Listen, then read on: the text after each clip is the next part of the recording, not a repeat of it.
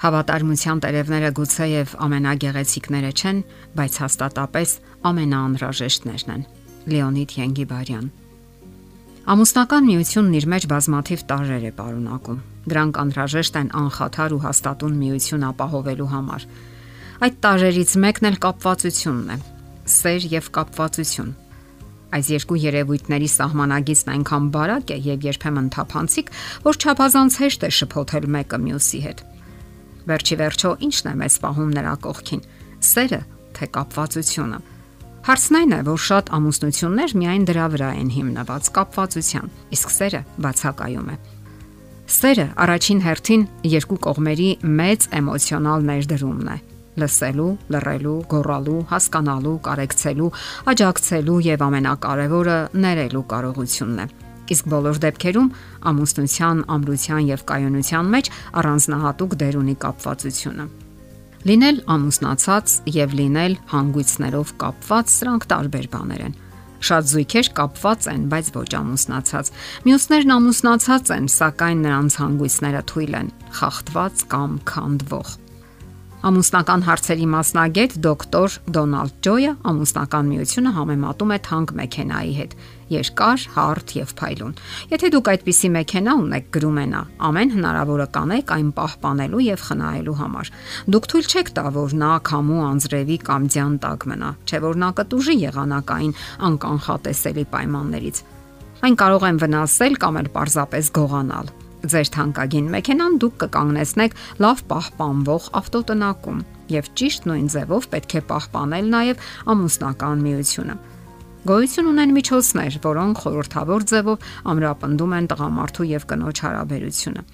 Հասկանալի է, որ գոյություն ունի որոշակի ժամանակաշրջան ռոմանտիկ հարաբերությունների զարգացման մեջ։ Այն իր մեջ ներառում է շփման տարբեր ձևեր։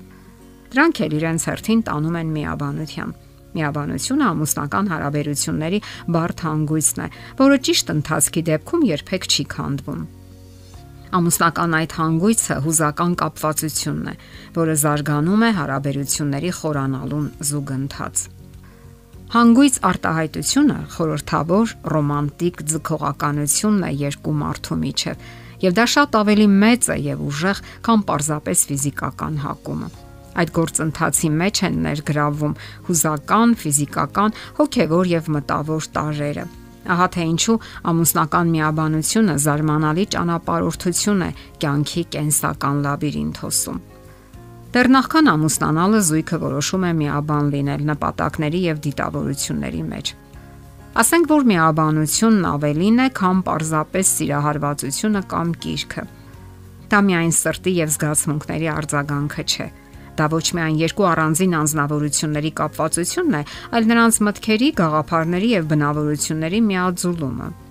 Նախկինում նրանք երկու կատարելապես տարբեր մարդիկ էին, իսկ այժմ միաբանում են իրենց արժեքները, նպատակները, մղումներն ու համոզմունքները։ Նրանց հույսերը, երազանքներն ու ապագան մեկ միասնական ամբողջության մեջ են միաձուլվում եւ հետաքրքիր է, որ այդ բոլորը տեղի է ունենում առանց որևէ ձևական իրավաբանական համաձայնության։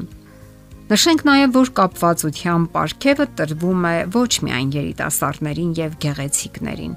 Ցանկացած մարդ անկախ տարիքից կամ սոցիալական կարգավիճակից կարող է ձեռք բերել ստանալ այն։ Երբ երկու անznավորություն սիրում են միմյանց, սկսվում է կապվածության գործընթացը։ Նրանցից յուրաքանչյուրը մտնում է դիմացինի աշխարհը եւ կյանքին նայում նրա աչքերով։ Սկսում է աճել հետաքրքրությունը միմյանց հանդեպ եւ նրանց հարաբերություններն այլևս դժվար է խզել։ Ոչ ժամանակը, ոչ տարածությունը չեն կարող խանգարել ամուսնական հանգույցների զարգացմանը։ Մասնագետները նշում են հարաբերությունների զարգացման կառուցման 12 փուլ, եւ դա հատուկ է բոլոր մարդկանց, անկախ նրանց մշակույթից։ Որոշ մասնագետներ նշում են նաև հոտառական գործոնը։ Շատ զույգեր պնդում են, որ սկսում են ընտելանալ տան հոտին, զուգընկերոջ մարմնի բույրին։ Ամուսնական հարաբերությունների զարգացումը աստիճանական գործընթաց է, թեև երբեմն բավական արագ է տեղի ունենում։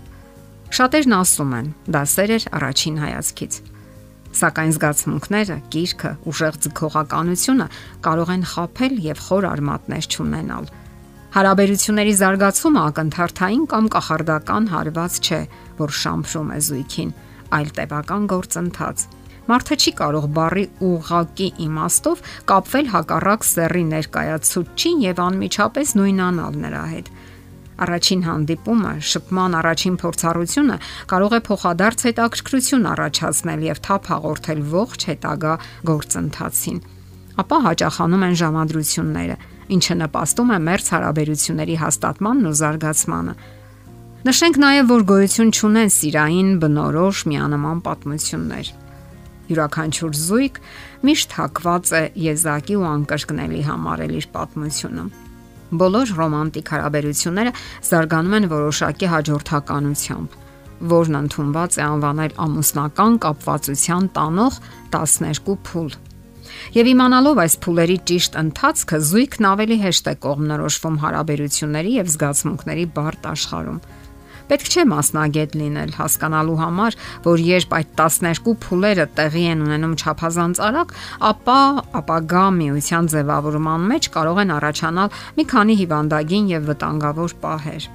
Այսպիսով հարկավոր է կարևորել հարաբերությունների ձևավորման աստիճանական, մտածված եւ կշռադատված մոտեցումը։ Դուք մուտք եք գործում մի նոր, եզակի եւ անկրկնելի աշխարհ, մեկ այլ մարդու աշխարհը Այդ հետաքրքիր եւ խորհրդավոր ճանապարհորդությունն ունի իր օրինաչափություններն ու սկզբունքները, եւ դա ողջ կյանքի համար է։ Պահպանելով այդ սկզբունքները, դուք միայն երջանիկ կլինեք։ Եթերում ընտանիք հաղորդաշարներ։ Ձեզ հետ է Գեղեցիկ Մարտիրոսյանը։ Հարցերի եւ առաջարկությունների համար զանգահարել 033 87 87 87 հեռախոսահամարով։